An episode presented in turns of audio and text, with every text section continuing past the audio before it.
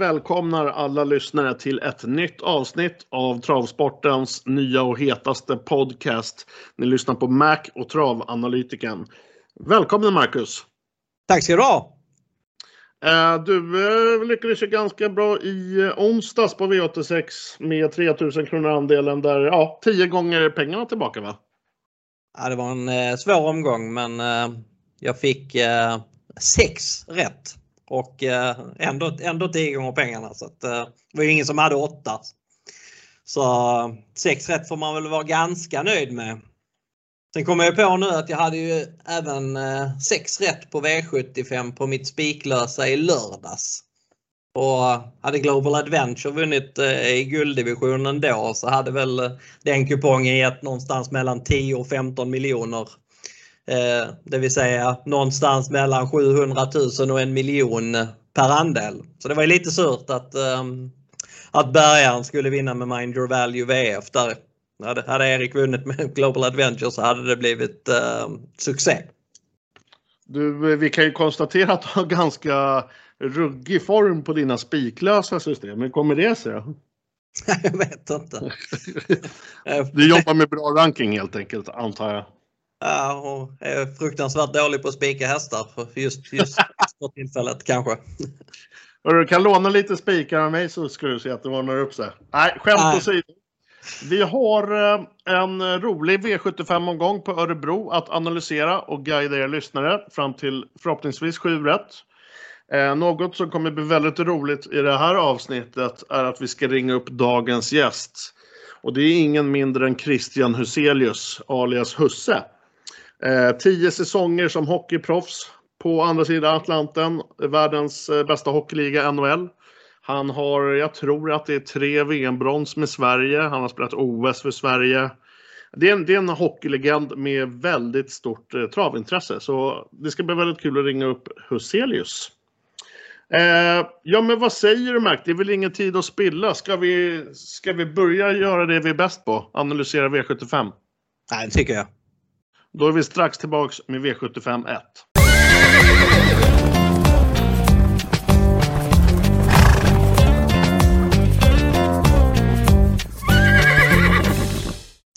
Vi ska alltså vägleda er lyssnare, guida er genom V75 som avgörs alltså på Örebrotravet denna omgång. Och vi börjar från början med V75 1. Det är silverdivisionen som ska avgöras över 2100 meter autostart. Mm. Eh, vad säger du min goda vän Marcus? Ska jag börja eller ska du börja? Eller? Du kan få börja. Absolut. Eh, ja, favorit i eh, denna stund när vi spelar in den här podden på fredag är 11 Admiral As. Sträckad just nu på 65% Det är väl, skulle jag väl vilja säga, en berättigad favorit tycker jag. Dock så är procenten alldeles för höga, tycker jag väl. Eh, bakspår är väl inte det lättaste på Örebro. Eh, och anledningen till detta så görs att jag kommer spela med hela fyra ekipage i min A-grupp, vilket inte är jättevanligt för att, för att vara mig. Eh, och då, de andra jag lyfter fram, det är fyra Syos med Daniel Wäjersten. Det är väl en av, skulle kunna vara en av spetskandidaterna och känns då fint till 5% Det är en vinnarskalle och absolut är den där framme hela tiden. Eh, har tre emoji, ska med på kupongen fått ett eh, bra utgångsläge nu. Eh, vill man ha en jätteskräll, håll i dig nu Marcus, mm. så är det nummer sju Majestic Man eh, som kör barfotas denna start. Den har visat en grym spurt tidigare. Skulle favoriten komma bort så skulle jag kunna försöka fälla med 1% i alla fall. Mm. Uh, ja, jag nöjer mig där. Ja. Jag håller väl med om att Admiral As är något överspelad. Han eh, var 61% fredag morgon och är 65 nu så att det verkar dessutom bara stiga på honom. Min bedömning är väl att han borde vara spelad på runt 55 kanske. Det hade klingat bättre i mina öron. Eh, dock tycker jag det är så att jag tror det räcker med två hästar i första. Jag tror det räcker med streck för Admiral Ass och nummer tre Emoji i Emojis fall så tycker jag kanske att han borde vara närmare 30. Så att ehm, Eh, han är ju underspelad till sina 16% just nu. Eh, jag tror att spetsstriden står mellan ett That's So Cool och två Beer Time, ja även fyra Syos. Men jag, jag, tror att ettan håller ledningen, That's So Cool. Och att eh, Flemming Jensens eh, kör till efter en bit och övertar ledningen. Och Emoji i spets är inte lätt att slå alltså. Det, han, är, han är väldigt, väldigt bra. Om man kollar på en häst som Extreme som, som slog eh, både Aetos Kronos och Don Fanucci Zet. för, eh, för förra helgen så, så är Emoji inte um, så mycket sämre än Extreme. Så att, eh, Emoji i spets tror jag blir svårslagen. Om jag tolkar dig rätt Marcus, eh, om vi tittar på, på dina system som du spelar på Möllan, har jag uppfattat dig rätt att du kommer låsa på det mesta eller? Jag kommer låsa på, på 311 här på eh, det mesta. Jag kommer tycker även att eh, Svenska Spel har just nu 5,20 på, på emoji som vinnare. Med tanke på att jag sa att han hade runt 30% chans så får det betraktas som ett klart överott. 5,20 på emoji det, det tar jag alla dagar i veckan. Ja, eh, en sista fråga bara där, sen så ska vi gå vidare till V75 2. Det jag tänkte kolla med dig, kommer du gå utanför 11-3 på något? Ah, någon lapp kommer jag väl gardera vidare här. Ja. Dina nämnda hästar Syos och Majestic Man, ja, de, de är sådana som man, som man kommer att betala för om man garderar lite bredare. Majestic Man var ändå ute i gulddivisionen förra gången, nu är det silverdivisionen så han, han går ju ner lite i klass. Precis. Men, ja, eh, men, ja. men coolt Marcus. Vi tar med oss att vi varnar för att favoriten är lite överspelad. Eh, du kommer låsa det mesta på 11-3. Ja, jag håller mig till min A-grupp på, på mina fyra streck på mina flesta kuponger och kommer väl gå bredare på något också. Eh, men vi lämnar V75 1 där.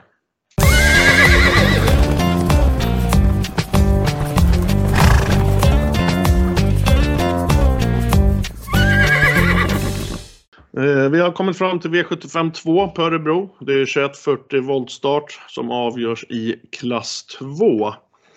Här tror jag Marcus att, eh, för mig känns det lite som att det här kommer avgöras i starten i det här loppet. Eh, och därav kommer jag spela med tre hästar i min A-grupp. Eh, tre Majestic Up. Jag kommer spela med sex Fighter Simoni och nummer sju Prosecco. Alla de här är väl kandidater till spets tycker jag. Bakom dessa så tycker jag att det är en rätt öppen historia. Några roliga skrällar jag kan rekommendera som jag har med i B-gruppen. Det är nummer ett Strong de la Hoya. Spelad just nu till 1% och ska gå barfota fram för första gången. Det är lite intressant. Den kan ju få en smygresa invändigt och sen en lucka. Ja, nej, då är 1% mumma för mig. Eh, 9 Goes All Magic får Björn Goop upp igen. Eh, var ju bra tvåa sist som fastlåst. 4% denna gång tycker jag är klart intressant. Men eh, ja, 3, 6, 7 A-gruppen. Rätt öppet där bakom enligt mig. Mm. Ja, eh, jag köper det. 3, 6, 7 det är väl de som ska rankas först i loppet. Jag tycker dock att jag tycker att trean är hyfsat klar första häst. Eh, till skillnad från många av de andra här så är han härdad i klassen. Han har faktiskt gjort fyra starter i rad på V75 och då för tre starter sen var han till och med med i en klass 2-final. Så att eh, han står lite på tur. Jag har väl varit lite halvbesviken på honom någon gång men man ska ändå tänka på att för fem starter sen när han var tvåa då fick han stryk av Calgary Games. Det är ingen merit att vara tvåa bakom en bra häst men man, med, med det nämnt att han var tvåa bakom Calgary Games så förstår man ju att han har mött ganska bra hästar hela tiden. Så um, jag, jag, tycker att han är mest intressant och den jag känner mig tryggast med faktiskt. Eh, vad gäller spetsstriden här så tror jag det står i första hand mellan springspårshästarna och jag tror att Fighter Simoni tar ledningen. Kommer däremot Prosecco förbi första biten och, och får spets så eh, har han toppchans. Men jag tror det är för stor risk att han hamnar utvändigt. På skrällfronten i detta loppet så nämner jag nummer 11 Profinitif Eh, och nummer 8 Perfect Score Ås. Profinitiv ska gå barfota runt om och det är faktiskt första gången. Det står noterat barfota på honom för fem starter sen men då, då gick han med skor. Så att, eh, det är första barfota och Christian Lindberg rycka skorna det tycker jag är väldigt intressant. Han gjorde det på Himalaya Sisu på V75 i somras och den vann ju då till eh, ett ganska smaskigt odds. Och jag tror det kan bli lite samma grej med Profinitiv. Vad gäller Perfect Score år så tycker jag det är en jättefin häst. Eh, den lämnade Valman klart på på V75 näst senast. Då slutade det med galopp, tidig galopp men eh, eh, då var han betrodd, stod i fem gånger pengarna. Nu är han 2% så att han är intressant. Men som helhet så tycker jag att det är ett garderingslopp. Precis som du verkar tro. Ja, vi är väl överens där låter det som. Eh, det var V75 2 och vi blickar över till V75 3.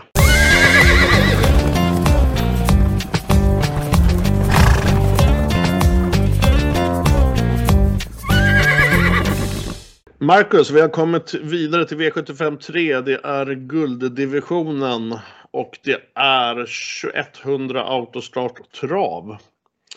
Här har jag någonting att förklara för dig. 5% på en ensam A-häst kanske inte hör till vanligheten, men i detta lopp är det faktiskt ett faktum för mig. Och det är spelvärdet som avgör. Och det är nummer 9, Antonio Trott. Fast med sparat senast eh, och såg väldigt fin ut. Den har riktigt bra form nu. Spåret denna gång tycker jag är sjukt lämpligt och då jag tror resan kan bli väldigt perfekt och då han kan få ligga på rulle. 5% ekar spelvärde för mig. Eh, där bakom anser jag väl att Melby Fri och Clickbait ska vara. Eh, Million Dollar Rhyme tycker jag är överspelad på grund av spåret och det drar ner vinstchanserna. Eh, jag tror att gulddivisionen är väl det, det loppet där det inte kanske brukar skrälla så mycket i, men, men det lyfter jag varningens finger just för uh, den, här, den här omgången, den här starten. Mm. Jag köper det helt. Jag tycker också att uh, det här är ett eh, lopp där jag, jag, jag, tror också på Antonio Trott. Jag tycker att han är jätteintressant. Han såg sjukt bra ut senast. Han verkligen klättrade i ryggar sista biten och var sida vid sida med clickbait över mål. Intrycket på clickbait var inte riktigt detsamma om jag säger så. Eh, då stod eh, Antonio Trotti 37 gånger, clickbait stod i 52. Eh, Antonio Trott gav det bästa intrycket men ändå skiljer det fem gånger på sträckan. Eh, Antonio Trott är alltså fem gånger så lite spelad som clickbait. Det är ju bara så fel som det kan bli. Eh, jag tror eh, att Antonio Trott har eh, vettig chans. Precis som du säger, bra läge, ryck på startsnabba. Melby Fri bör hamna jättebra på det. Eh, det nej, han är jättetidig. Eh, jag tycker dock att Wild Love är lika tidig. Jag var på plats på Jägersro förra gången och det intrycket som hon eh, gav i bakvarven den gången, det var magiskt. Hon såg ut att vara tillbaka i samma form som eh, när hon vann Harper Hanovers i, våras på Valla.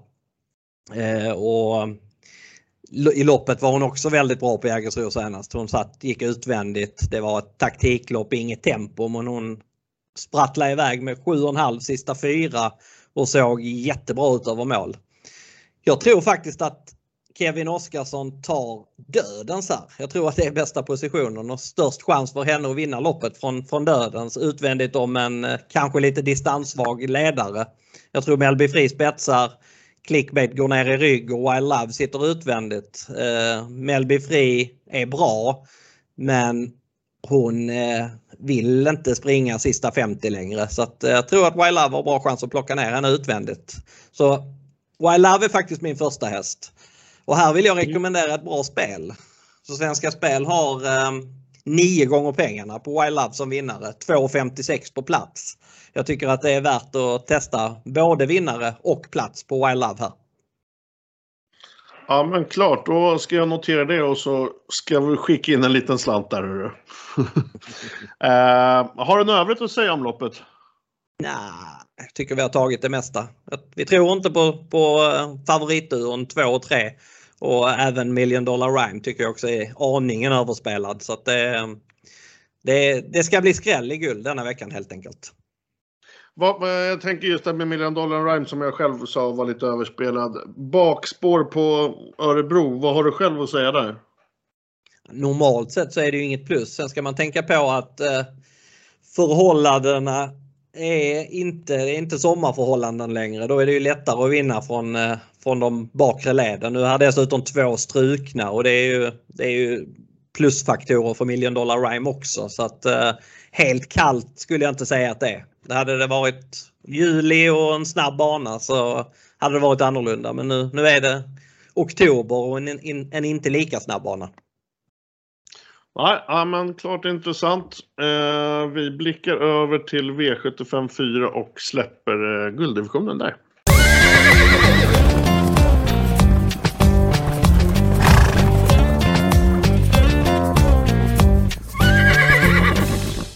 V75 4 har vi kommit fram till. Det här är ett ungdomslopp med 15 stycken ekipage. Nej, det är faktiskt 14 nu då mitt drag nummer 13 North Dakota blev faktiskt struken här bara för någon timme sedan faktiskt. Mm. Eh, det här är väl Marcus kanske inte det lättaste loppet att eh, bena ut tycker jag. Eh, känns väl lite som att kollar man på spelarkollektivet och statistiskt sett så kommer väl penseln åka fram här för, för många.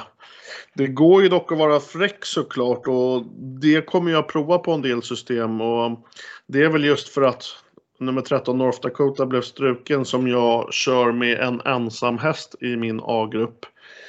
Och det landar på nummer 12 Princess Kloster. Och här ska man inte låta sig luras. Jag vet om att den här hästen är segerlös i år. Men den, den såg väldigt fin ut med tre raka andra placeringar. Det var galopp senast, men den är van med betydligt tuffare motstånd. Och just i det här sammanhanget tycker jag 6 som, som det står just nu är, är rent spelvärde. Och som sagt, antingen målar man på eller så är man fräck och, och jag gillar det sistnämnda. Mm. Ehm, ja, jag, jag köper det. Hon är en av dem som kan eh, vinna loppet och en av de mest intressanta skrällarna i loppet. Jag pratade med Peter Untersteiner i söndags och ehm, han var väldigt, väldigt nöjd med henne. Han sa att, han sa citat, det är skämmigt att, jag, att hon inte har vunnit lopp i år. För en så bra häst borde ha gjort det.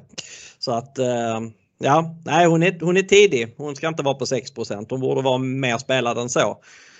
Det blir dock lite så när det är en för stor favorit som jag tycker att det är här i Platinum Tile. Den är, den är klar favorit till runt ja, drygt 35% Så stor chans har hon inte. Hon är en av många som kan vinna skulle jag vilja säga men procenten borde kanske ligga runt 20-22 istället. Så att eh, den, den favoriten kommer jag i alla fall inte att hamna på.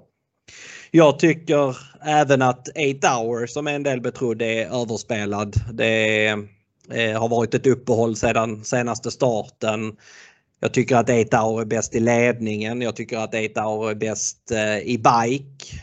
Och det är väl bara 50-50 att det blir så. Och blir det bike så kommer det innebära tappstart från ett fjärde spår. Så att Eitauer tycker jag känns ganska kall. Eh, de dragen jag har i loppet det är förutom Princess Kloster som, som jag håller med dig om så tycker jag att Nina Ginto till 2% är superintressant. Jag har eh, trott på henne tre gånger i rad egentligen. Hon gick väldigt bra för tre starter sen men har varit betydligt sämre än vad jag har, förväntat mig två senaste. Dock är det så med Nina Ginto att eh, hon eh, eh blixtrar till med hon varvar toppinsatser med, med, med betydligt sämre insatser och jag skulle inte bli alls förvånad om det kommer en toppinsats nu. Andra skrällbud i loppet som jag vill varna för är två Love Me Like You Do. Den är klart på gång och klart bäst på start i mina ögon. Och sen nummer 14 Hillbilly Woodland som tidigare har visat sig duga bra på V75 värmde strålande på Jägersro senast och höll starkt efter en tuff inledning. Den kan få ett bra lopp på innerspår här och 1 där det tycker jag också är för lite. Men eh, som helhet så är det ju ett sånt lopp där man känner att man förmodligen kommer måla på rejält på flera kuponger. Det är väl så och tittar vi just på det här loppet så de vi, eller i alla fall jag som bedömer med mest vinstchans är väl de som är på tilläggsvolten. Men vi ska inte glömma bort att uh, de främre hästarna på första volten, uh, de kan faktiskt vinna och speciellt de som du själv gick igenom då, nummer två. Uh, jag varnar väl kanske även lite där för nummer tre, Golden Opportunity också. ska inte glömmas bort. Och vill man plocka mer på den främre volten så ja, kanske nummer 5, Nine Points Candy med, med William Ekberg som uh, Jörgen Westholm tränar. Mm. Uh, men som sagt, mitt första streck, ensamma gruppen hamnar på nummer 12, Princess Kloster. Uh, Mac varnar för Hillbilly Woodland och Nina Ginto. Och så du varnade även för nummer 2, eller hur? Precis. Min första häst i loppet är ändå nummer 11 Bon Bini. Men uh, Ja, jag tycker kanske att den ska vara favorit på intrycket förra gången med tanke på att eh, Oskar E Andersson låg väldigt lågt inför det. Eh, nu låter han betydligt mer nöjd så att eh, den är kanske ändå min första häst i loppet. Men som sagt öppet lopp, måla på.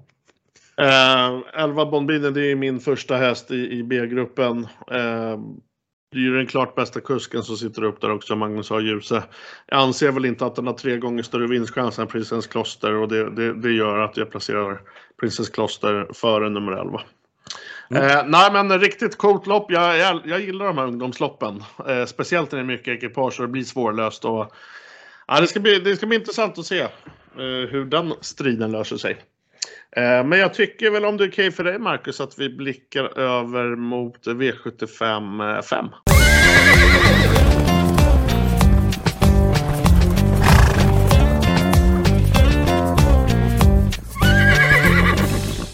V75 5, Marcus Mac Andersson. Det är diamantstoet, det är Karl-Erik Lindbloms lopp och jag vet ju att du så gärna vill börja så schysst som är så passa över till, till farbrorn.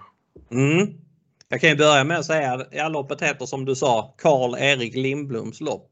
Och han Karl-Erik Lindblom kör i det här loppet nummer två Tonic. Vet du när han eh, körde på V75 senast? Uh, nej, körde, jag vet att han, nej kanske inte just V75, han körde ju senast vad jag kan se eh, Tonic i alla fall den 23 maj, men det, det kanske var utanför. Det var inte på V75. Han har inte kört V75 sedan 2019 så att um, det, det, var, det var ett tag sedan. Jag kan ju gissa att Tonic är ju ja, Tonic är vid gardering på loppet så kan jag tycka att Tonic är ganska intressant men på, på läge och så. Men uh, jag har ju min bästa spik i det här loppet. Eh, det ser nästan för bra ut för att vara sant för nummer 4 Darabibos del. Eh, att hon är jämspelad med nummer 11 Svesak Palema, det kan jag bara inte köpa. Eh, Darabibo har varit grymt bra på slutet. För tre starter sedan så, så slog hon, vann hon från ledningen och slog hästar som Sharp Dream och Devs Daffodil. Jag tycker inte hon möter bättre hästar nu. Eh, sen har det varit vanlig vagn två gånger men upphämtningen efter galopp näst senast den var grymt bra. Den galoppen står för övrigt inte noterad i programmet men hon hade en galoppmodell större den gången. Senast trodde jag på henne, då var hon inte bra. Hon eh, orkade inte alls efter ett offensivt upplägg men det visade sig att hon hade halsinfektion då. Det, det ska hon vara kvitt nu givetvis när man startar igen. Och jag pratade med skötaren till hästen, jag pratade med i veckan och jag pratade med Peter Untersteiner i söndags. Och det, rapporterna går verkligen i dur. Nu blir det bike igen. Hon har gått i biken 10 gånger, vunnit 6, varit bland de tre hela 9. Fyra gånger har hon gått i ledningen i jänkarvagn. Vunnit alla fyra. Som jag läser loppet så kan hon inte missa spetsar. Och jag tycker att hon ska vara spelad på runt 50% faktiskt. Jag tror hon vinner loppet varannan gång eller kanske till och med strax över. Och Svenska Spel de erbjuder 2,94 just nu som vinnare. Det tycker jag faktiskt är ett jättebra odds. Så att, eh, det förtjänar en lite högre insats. Vad tror du om min eh, spik Darabibo, travanalytikern? Ja, om jag säger så här, jag kommer inte betta emot dig min goda vän för att Fyra Darabibo är omgångens absolut bästa spik. Eh, anledningen till det, den är sträckad på 30% och jag har skrivit 48% Jag har fått spelvärde med rena 18 procentpunkter. Så som du säger, det, det, det ser upplagt ut. Eh, för, vad ska man säga, det klassiska scenariot spets och slut va? Mm. Eh, ja, ah, det är som sagt omgångens bästa spik. Eh, ska vi hitta en skrällvarning, jag tror du även nämnde det, så är det ju nummer två Tonic med Karl-Erik Lindblom. Den kan öppna bra och lär ju få en bra resa på så sätt och står bra in i detta lopp och formen är på topp. Spelad nu till, när vi spelar in den här podden, till 3 eh, Kanske kommer gå upp något får man vara beredd på. Utöver det, bakom där så har jag ganska bred B-grupp så jag tycker väl eh, att man, man eh, Ja, jag rekommenderar att spika. Det, det, det är omgångens bästa spik, så är det bara. Mm. Så, så uh, ja, vi är väl rätt överens där tycker jag. Ja, det är ju skönt att vi är det. Slipper vi bråka som vi brukar göra ibland. eh, vad säger du, går vi över till V75 6 då? Ja, det tycker jag.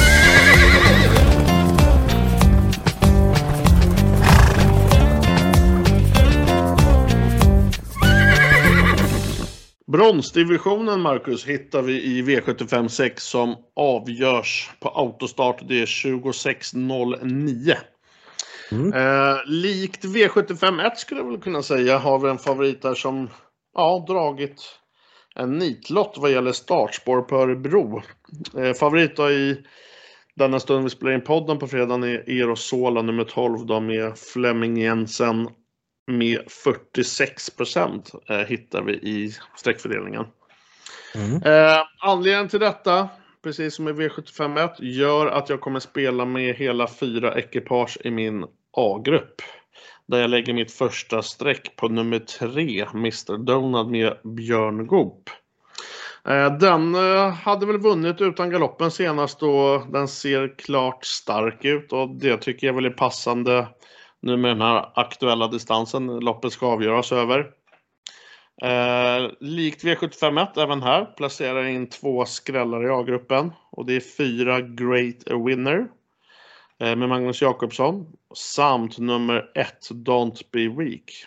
Och den senare av dem ska eventuellt gå med första norskt huvudlag som jag tror kan kanske bli en liten extra växel. Eh, men jag väljer att placera in eh, favoriten Torv Erosola just för att det är en väldigt bra häst och, som jagar sin sjunde raka. Men förväntningarna dras ner enligt mig eh, på grund av det aktuella startspåret. Mm. Jag kommer inte spika Erosola på något system faktiskt. Jag tycker att eh, procenten är lite väl tilltagen. 46% kanske borde vara 30% istället. Det, det är svårt att vinna därifrån på Örebro. Och ja, att han, att han är bästa hästen det, det tror jag att han är. Eh, men eh, därmed inte sagt att han vinner. Bästa hästen vinner inte alltid. Jag tycker att loppets bästa drag utan tvekan är nummer 10 Moses. Moses är precis hur bra som helst när han är tävlar på topp. Det gjorde han på Kalmar för tre starter sedan i debuten för Håkan K Persson. Då var han helt magiskt bra från ledningen. Man kan tro att han är en ren spetshäst och att det är en spetssprinter. Men jag pratade faktiskt med Håkan K Persson i veckan och han tyckte att det skulle bli väldigt intressant att testa lång distans eh, för första gången i hans regi. Det var även Stefan Persson inne på som kör hästen. Att lång distans skulle passa väldigt bra. Eh, man ska tänka på att Moses hade, han satt långt bak utvändigt förra gången, avslutat 10 sista 8 i spåren. Kondior vann loppet, den fick ryggledaren.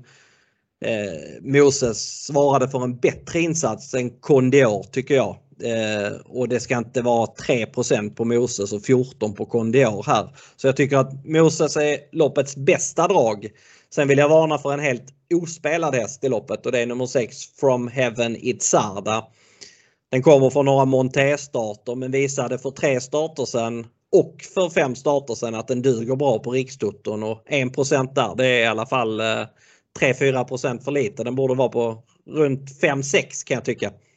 Så att eh, ja det är väl egentligen vad jag vill säga om loppet. Jag hade, jag hade feeling för Frodo S i början av veckan, det ska jag erkänna. Men sen pratade jag med Carl-Johan Jeppsson och han, han trodde inte att täta starter och lång resa var något plus för den hästen. Dessutom är knappast 2,6 någon fördel så att äh, den behandlar jag med lite försiktighet numera. Är du klar ja. med loppet? Ja, nej, men jag känner väl att vi har haft en ganska bra genomgång om, om det loppet. Eh, så vi blickar över mot V757 där jag har en 7% att skrika ut. Oj, oj, oj.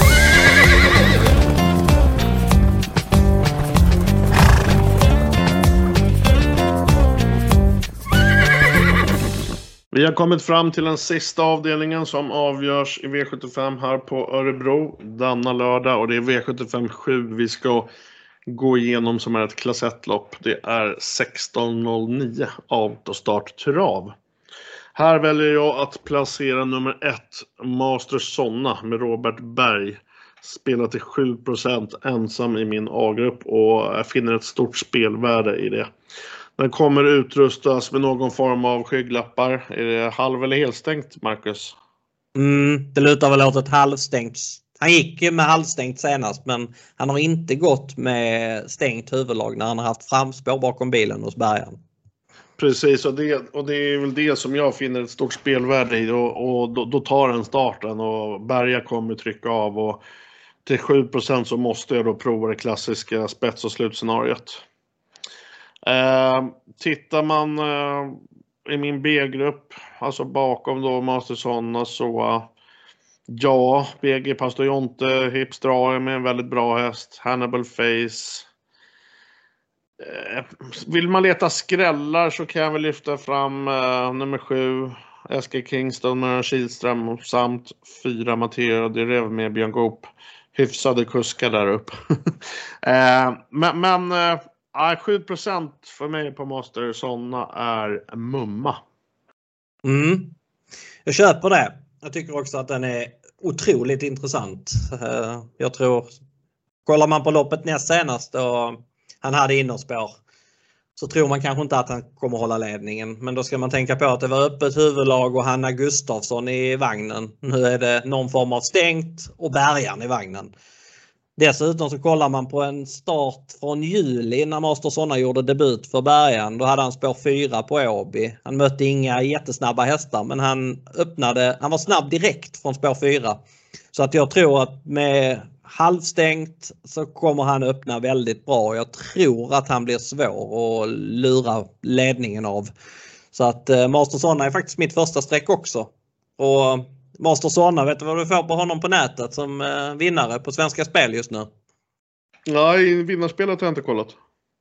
8,30 får du. 2,33 på plats. Det måste vara det måste vara klart bra alltså. Så det, det rekommenderar jag alla att testa en slant på. Ja men absolut. Det, det kommer jag göra eh, inom snar framtid här. eh, Ja, eh, vad har du, har du något mer att varna om i det här loppet? Jag, tyck, jag tror inte att det skräller i det här loppet. Jag tycker spika, jag kommer spika Mastersona på någon, någon lapp. Det kommer jag helt klart att göra. Eh, garderar jag så är det främst med Hannibal Face, BG Pastor Jonte, Hipster Ram och vice versa Diamant. Men det är också de hästarna som är betrodda så att jag tror inte på skräll i avslutningen faktiskt. Skulle jag nämna en skräll så är det kanske nummer 8 Bravo Sabotage som jag tycker är bra för klassen eh, täta starter kan vara intressant på honom med tanke på att det på slutet har gått en månad mellan starterna. Nu är det, nu är det lite tätare, nu är det två veckor. Så att eh, han skulle kunna vara intressant som skräll men ändå lite långsökt.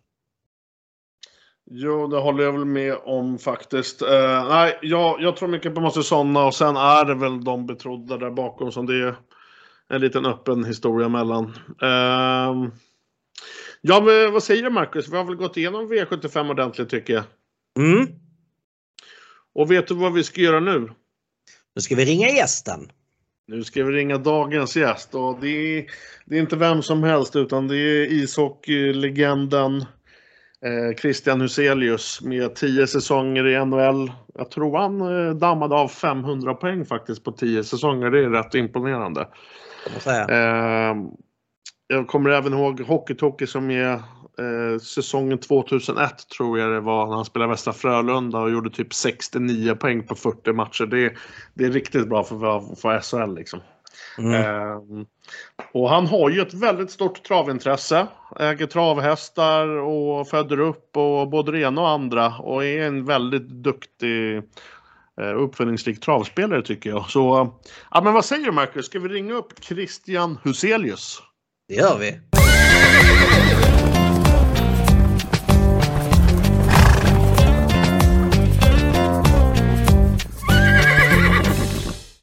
Marcus, vi har kommit fram till en ganska rolig programpunkt. Vet du vilken? Det är veckans gäst va? Ja, precis. Och den här veckan har vi ju... Alltså, jag är ju riktigt taggad på, på att få ställa lite frågor till den här gästen. Eh, vi ska ju alltså ta in eh, Christian Husse Huselius, en riktig legend inom svensk ishockey får man säga. Mm. Eh, han har ju ett rätt stort travintresse, äger hästar och fött upp hästar och man har ju läst lite i Aftonbladet om hans miljonvinster också, så det är väl en passande gäst. Mm. Speciellt med tanke på att du är hockeykille också va? Ja, jag är ju riktigt eh, hockeyintresserad så att eh, det ska bli sjukt kul. Men jag, jag gjorde så här. Om du kollar din telefon Marcus så messade jag över hans nummer till dig. Mm. Ja, det här. Vad säger du? Ska, vågar du ringa Husse? Ja, det är klart. Jag slår på signal.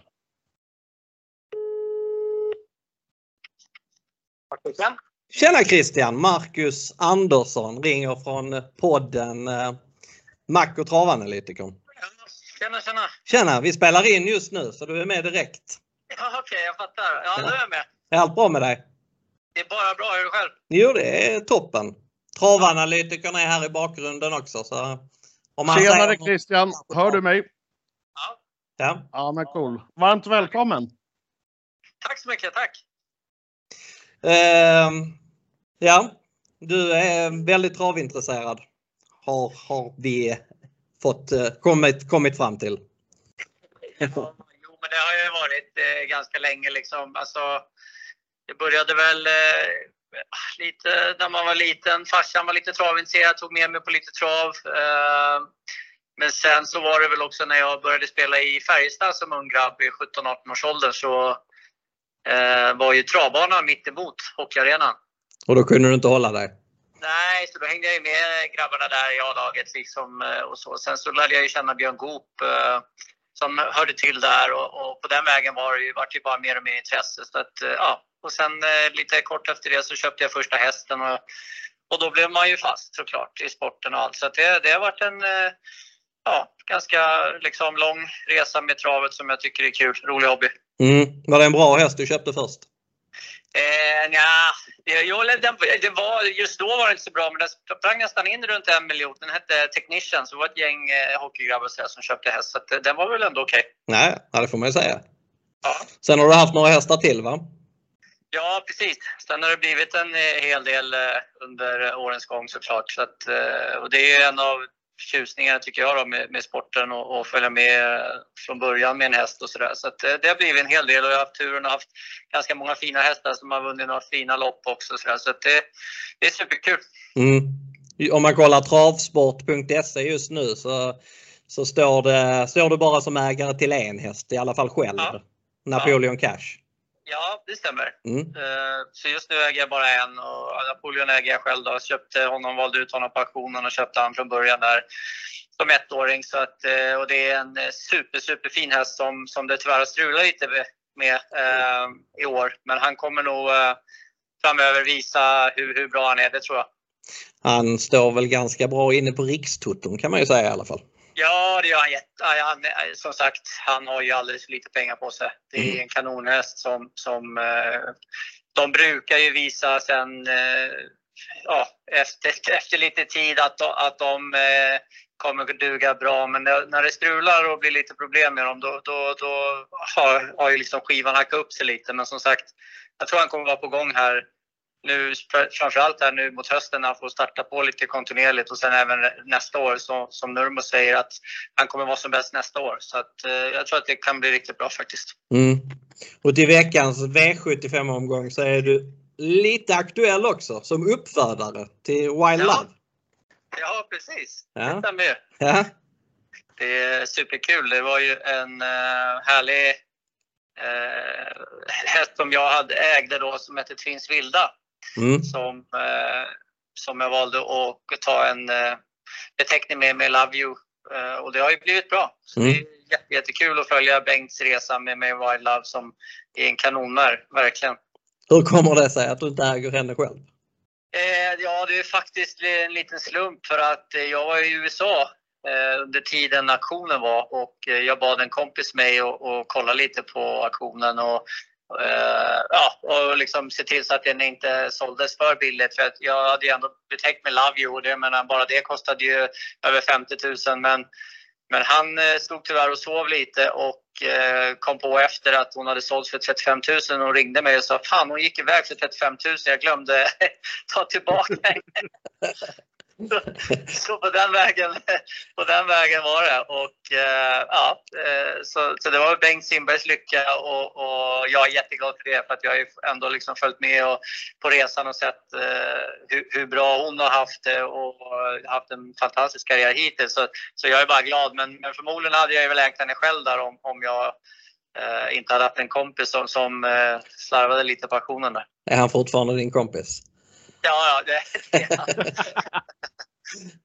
Ja, sen vet man ju inte. Wild Love hade kanske inte tjänat 5,2 miljoner om hon hade varit i proffsträning. Det... Nej, precis. Sånt kan man ju aldrig veta. Det går ju aldrig att, att förutse. Men det man kan säga är i alla fall att hon har fått visa att hon är väldigt, väldigt bra häst. Och, eh, det var roligt att eh, den korsningen funkade så bra som eh, jag hade hoppats på. Mm. Det förstår jag. Vad tror du om hennes chanser på lördag då? Eh, jag tror faktiskt att det ser rätt bra ut för henne om man ska vara ärlig. Eh, jag har ju följt henne noggrant och hon verkar ha haft en liten dipp här på sommaren. Eh, vilket är lite förståeligt för att eh, hon tävlade ju rätt tufft där i Frankrike liksom under vintern och, och tidig vår. Så att eh, bara starta på hela tiden eh, så förstår man ju att hon kanske liksom gick ner lite i form. Hon var ju i superform då till Harpers som hon lyckades vinna. Eh, och det hade man ju lite på känn då, för då hade hon ju verkligen tuffat till sig i Frankrike och gått några enorma lopp och var väldigt, väldigt bortglömd. Mm. Eh, men sen så blev det väl kanske några tuffa lopp där på, på, på raken där och, och lite förståeligt så såg det ut som hon tappade lite form och lite sådär inställning. Eh, men nu verkar hon ju fått ladda upp batterierna igen och jag tyckte senast då såg man det där lite det där gamla i henne igen, att hon var tillbaka i lite form och hon var liksom sådär gåvill och fin som hon har varit tidigare. Så Mm. jag tror att hon kan vara på gång och speciellt eh, i- ja, i en sån här gulddivision som jag tycker inte är alltför tuff nu heller. eh, så tycker jag att det ser lite spännande ut. Och jag tycker att det kan vara två hästar som gör upp om spetsstriderna, Melby Free och Clickbait, som kanske är lite distanssvaga också. Så, så då, då kan det bli bra om hon får ett lopp eh, i draget, det tror jag. Mm. Jag är lite inne på att det kan bli en uh, lugn döden så att hon bara plockar ner dem. Det, det låter kanske tufft men det, det är min feeling. Ja, nej, men det är inte alls omöjligt. Jag tror ju dock att det, det blir en rejäl öppning mellan Melby Free och Clickbait. Och, och, och som du säger, då kan man ju kanske ta lugnare efter. Men jag, jag, jag verkar ju som att Berg är lite sugen med den här Pinto Bob och säkert kommer köra lite offensivt om man kan och så. så Mm. Jag tror också att Kevin helst vill ge henne ett smyglopp Mm. i ryggar eh, i, i de här gängen ändå. För jag tror att speeden kommer bita otroligt bra. Alltså. Precis. Ja, Jag var på plats på Jägersro förra gången och såg henne värma och jag kan säga att efter att ha sett det, det intrycket i bakvarven på henne så, Ja. så eh, förstod man att hon, var, att hon var där hon skulle vara igen. Ja, Så att, eh, på sättet sist, det var väl en sån här 7,5 sista 400 eller någonting bara åkande. Så jag menar när hon har, har formen igen då, då kan hon faktiskt städa av de här för att hon har ju en tuffhet som hon har liksom fått i Frankrike också. Eh, och, och van att möta tuffa hästar. Så att det här motståndet är ju egentligen inte tufft för henne tycker jag. Eh, om hon bara får rätt lopp. Nej, jag köper det helt och hållet. Hon slog rätt bra hästar i Harpers så det är kanske inte Ja. riktigt så bra hästar nu. Nej, nej men exakt. Nej. Om vi går över till det. Vad har du för drag i omgången annars? Är du påläst? Eh, ja, jag har väl läst på lite grann. Eh, jag brukar ju oftast göra det på fredagskvällen, eh, det mesta egentligen, när det liksom lugnar ner sig lite. Men ja, det är klart jag har, har tittat lite grann eh, på omgången, helt klart. Mm. Eh, jag tycker nu på förhand som jag känner så tycker jag bästa spiken för mig just nu är eh, i avdelning 5, nummer 4, Darabibo. Eh, som det känns. Det, det är en märk som jag följt rätt ofta. Jag tycker hon hade en eh, otroligt fin formtopp här för några starter sedan. Eh, slog ett bra gäng på Åby från ledningen. Gjorde ett kanonlopp på Jägersro eh, efter galoppen och det var nog lite, lite för tufft skulle jag tro. Och så var hon lite, lite sämre senast. Mm. Men nu har hade hon dessutom halsinfektion i senaste starten.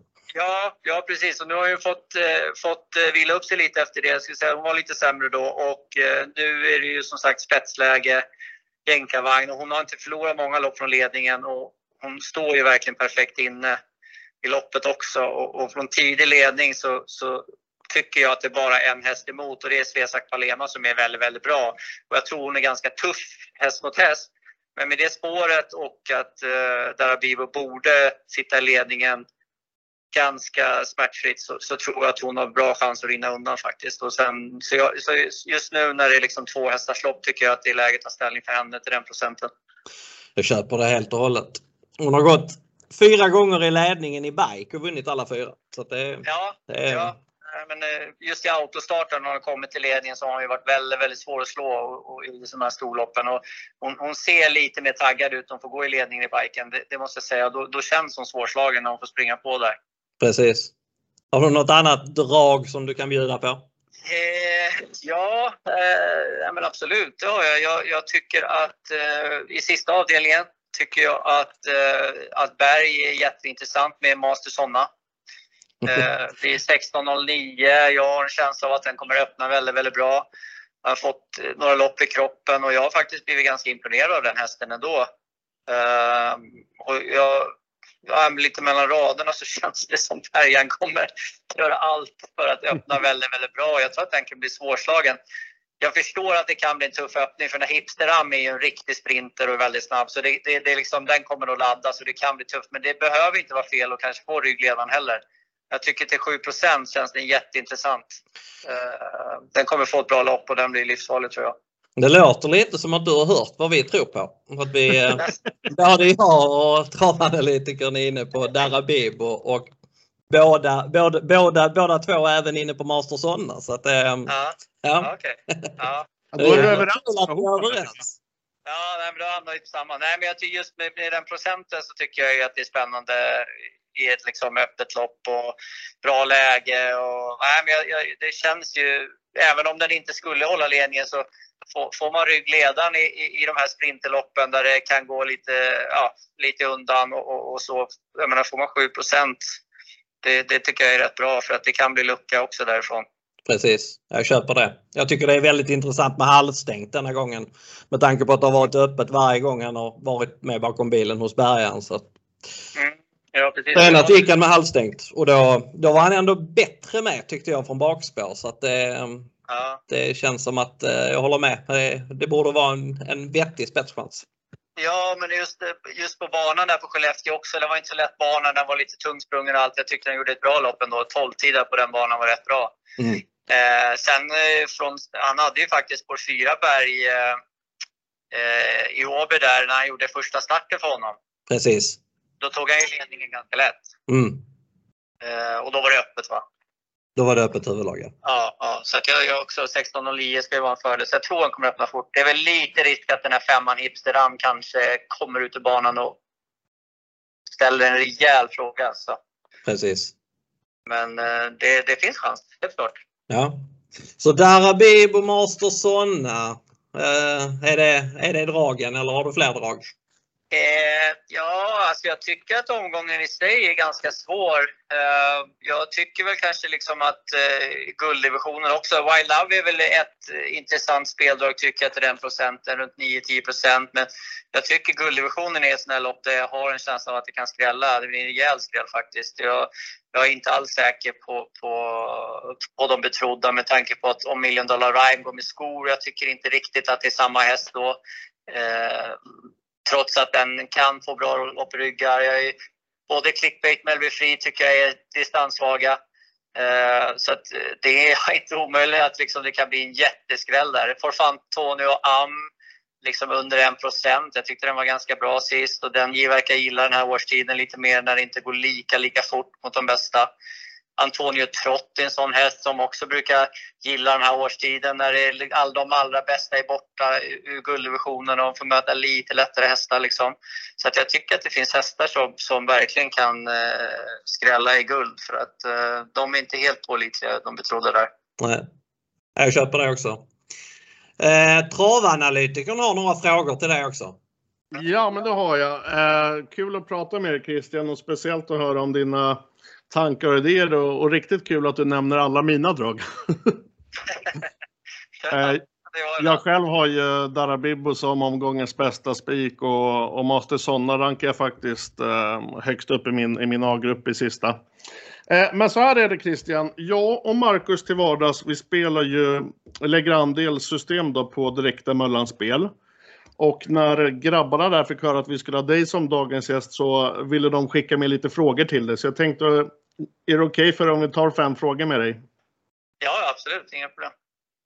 Och då kommer första frågorna från Johan som driver själva ombudet. Han undrar vilken kusk eller tränares åsikter har du mest respekt för inom travet?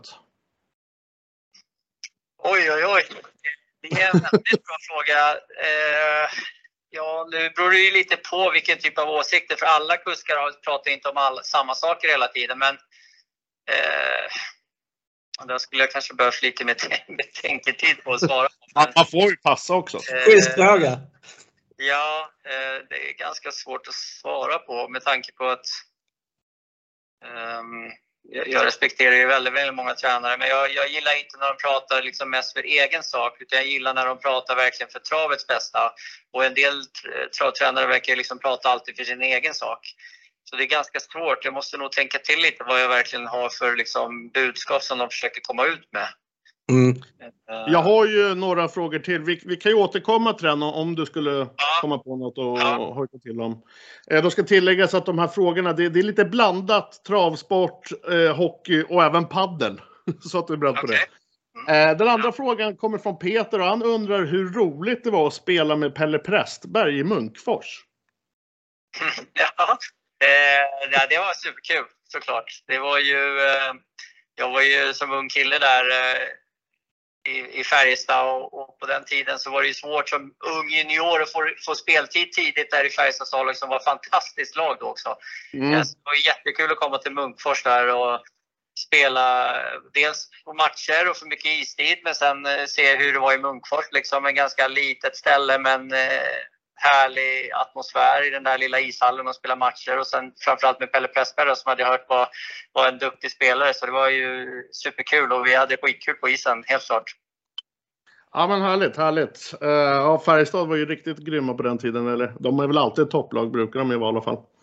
Uh, en fråga från uh, Niklas här. Han undrar om du har några tankar på hur man ska kunna locka mer folk ner till travbanorna?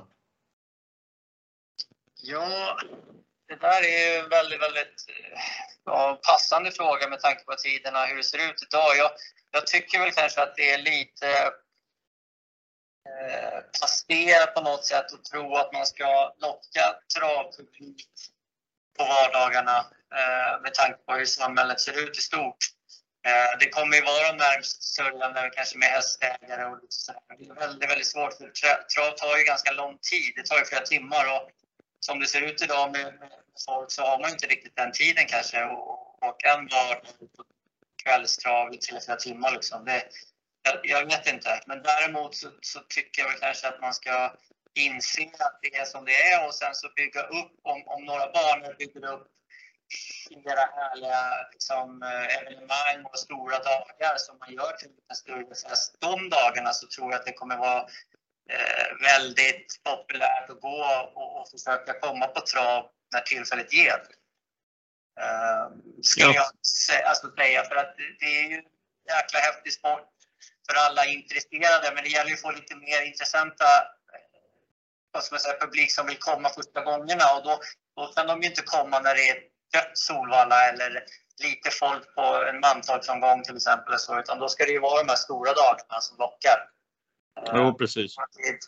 de ska fortsätta bygga och göra som en feststämning och att folk trivs och tycker det är kul då. Jag, jag, jag, tror att det blir lite mer trevlig sport just på vardagarna. För folk spelar i alla fall.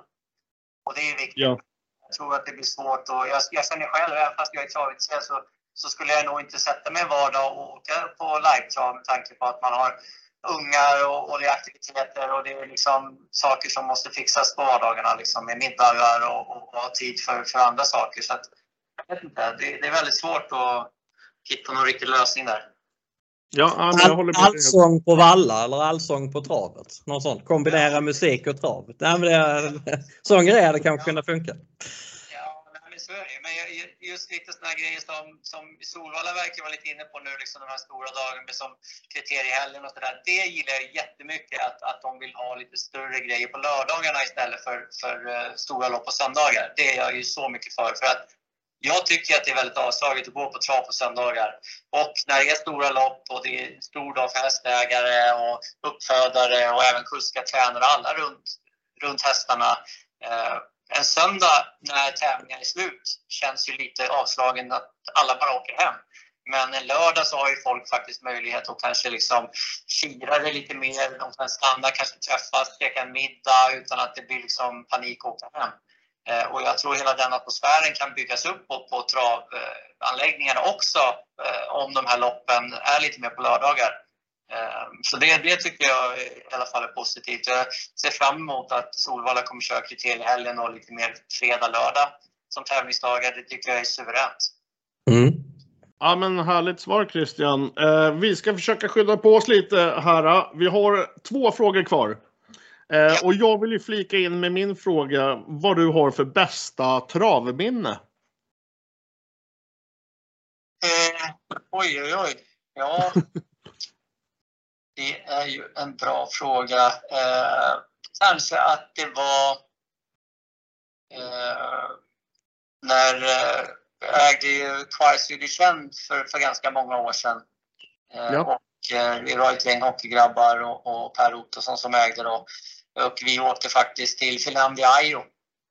Eh, jag hade kommit hem precis från NHL-säsongen och jag åkte direkt till Finland.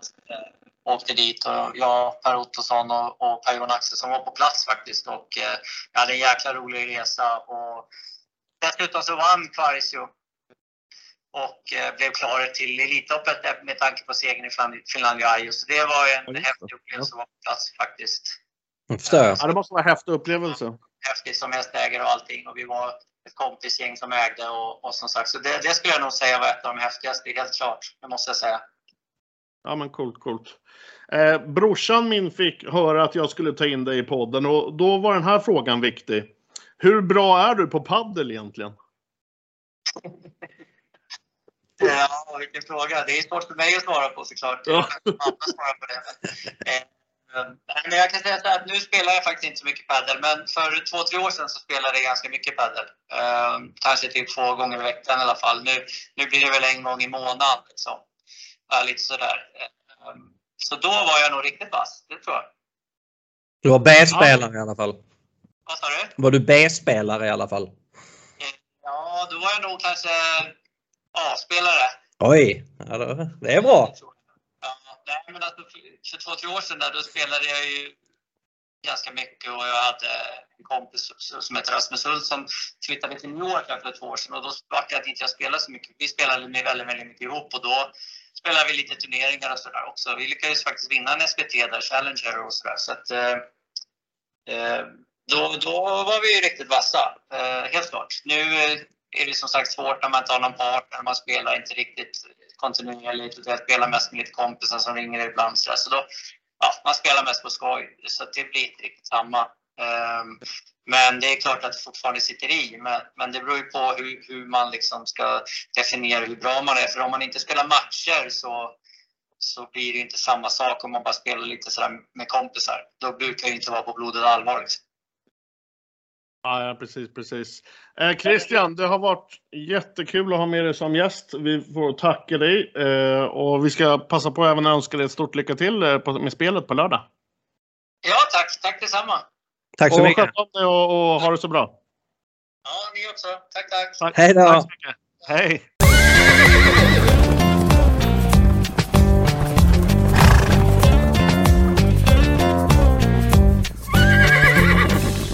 Eh, Marcus, veckans avsnitt eh, har varit riktigt kul att spela in tillsammans med dig, men det börjar lida mot sitt slut. Eh, men visst, jag brukar nog säga det här, men visst har det varit roligt? Ah, det har varit jättekul. Det var ju en ruggigt bra gäst vi hade den här veckan. Ja, eh, vi, vi har ju skrivit, eh, du och jag, i våran programpunkt här att dagens gäst ska ta typ 5-6 minuter, men jäklar vad roligt det var att prata med Husse. Ja, han hade koll. Han var grymt trevlig. Det är faktiskt första gången jag pratar med honom, men det var en grymt trevlig kille.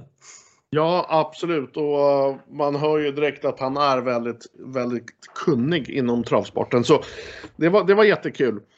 Eh, vi har ju en sak att ta upp igen angående podcastens lyssnartävling. Har du koll på Marcus vad det blev eh, för resultat förra lördagen mellan oss? Ja, stenkoll. 3-3 va? 3-3. Vi hade ju en utmanare som vann förra veckans eh, lyssnartävling. Han eh, kunde tyvärr inte bräcka oss. Så han, han åkte ut men eh, han gjorde ett tappert försök och det ska vi tacka honom för. Ja, det får vi göra. Vi har en eh, ny veckans vinnare som lyssnade. Eh, som skickade in eh, att det skulle bli tre. Nej, han skickade faktiskt in att det skulle bli 4-4 mellan oss. Så att, eh, han gjorde ett snyggt försök och var den som var närmast. Och vinnaren heter Robin Landgren. Så han ska få utmana oss imorgon.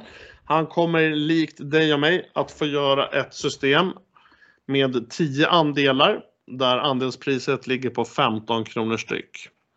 Mm. Eh, och då är det en ny tävling nu för er lyssnare. Ni ska alltså mejla in till mac och travanalytiken snabla gmail.com. Ni ska alltså gissa hur det blir i den här tävlingen mellan mig och Mac. Ni kan exempelvis mejla in att Mac vinner över travanalytiken med 4-2. Eller likt Robin förra veckan som mejlade in att det skulle bli lika 3-3. Skulle Robin nu lyckas få ett lika resultat mot den bästa av oss eller till och med slå oss så kommer han stå kvar en vecka och få ett, eh, ett pris av oss. Skulle han stå kvar två veckor kommer han få ett väldigt fint pris av oss. Så, men Mac, du och jag, vi gör väl egentligen allt vad vi kan för att vinna för det är ju mycket heder på spel mellan dig och mig bara. Ja, precis. Vi har, det har varit lika två gånger, sen har jag vunnit en gång. Så att, eh, du men det är preskriberat. Det är preskriberat. Nej, jag får väl, jag får väl göra det då. Så eh, vi får väl se vad, vad lyssnarna tror uh, det blir. Och, eh, innan vi även lämnar så ska vi nämna att vi har ett system på direkta mellanspel där jag och Marcus lägger våra andelar. Som är byggt och grundat på analyserna som ni hör från denna podcast Mac och travanalytiken. Det, det systemet har ett andelspris på 333 kronor och säljs i 15 andelar. Och systemet heter Mac och travanalytiken podcast. Så vill ni vara med på det, in på Möllan och gör ert eh, andelsköp. Ett eller två, eller hur man nu vill. Mm. Eh, Marcus, vi börjar få mycket lyssnare faktiskt på både Spotify och Podbean och allt vad det heter. Nej, kul! Vi börjar närma oss tusen. Och då säger jag så här till er lyssnare. Sprid ordet om den här podcasten om ni tycker den är bra att lyssna på och härlig. Når vi tusen följare inom kort, när vi gör det, Marcus, Mm. Då ska jag utmana dig och du ska få göra en galen grej, tänker jag. Oj, oj, oj, lät farligt. Ja, jag kommer inte avslöja något nu. Eh, men som sagt, sprid ordet. Dela podden, in och gilla den, följ den. Nå- när vi når tusen följare så kommer Mac få göra något galet. Och eh, det kommer bli sjukt roligt kan jag lova. Ja, då får vi Eh. filma då och lägga upp på våra sociala medier kanske.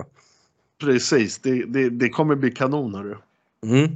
Eh, och slutligen, vill ni spela tillsammans med mig och Marcus, förutom poddsystemet, så hittar ni alla våra system på direkta mellanspel. Eh, vet ni inte hur ni eh, kommer dit, så in på atg.se. Ni trycker på butiksandelar i menyn. Och sedan eh, söker ni på direkta mellanspel. In på det butiksombudet och så hittar ni våra system. Mina system, Travanalytiken, heter något med Travanalytiken och Marcus system heter något med Marcus Mac Andersson. Mm. Eh, jag tackar för den här eh, för det här avsnittet Marcus och ska faktiskt ut och äta på restaurang nu. Är det um, samma som förra veckan? Brasilianskt? Nej, eller ja, det, blir, det kommer bli kött. Ja, jag skulle säga argentinskt blir det idag. Ah, ja, ja. Men hur gick det med såserna förra veckan då? Jag får faktiskt tacka dig. Och för, för ni, ni som inte minns det så sa ju Marcus att man inte ska ha sås till, till köttet på brasiliansk barbecue för att man ska njuta av eh, smakerna var det va? Mm, precis. Och, och då var det så att när jag kommer till den här barbecuen så säger jag till han som lägger upp köttet. "Eh, Jag vill inte ha någon sås för jag vill kunna njuta av smakerna. och det blev succé eftersom han var från Brasilien. Han fattade direkt. Ja, Så det var ja, lite roligt. Jag, jag får tacka för det, Marcus. Ja, varsågod. Men eh, vad säger du? Ska vi önska varandra och lyssnarna en trevlig helg och eh, hålla tummarna inför det som komma skall på V75 på lördag? Det tycker jag. Snyggt Mac! Vi hörs! Det gör vi. Hej! Hej!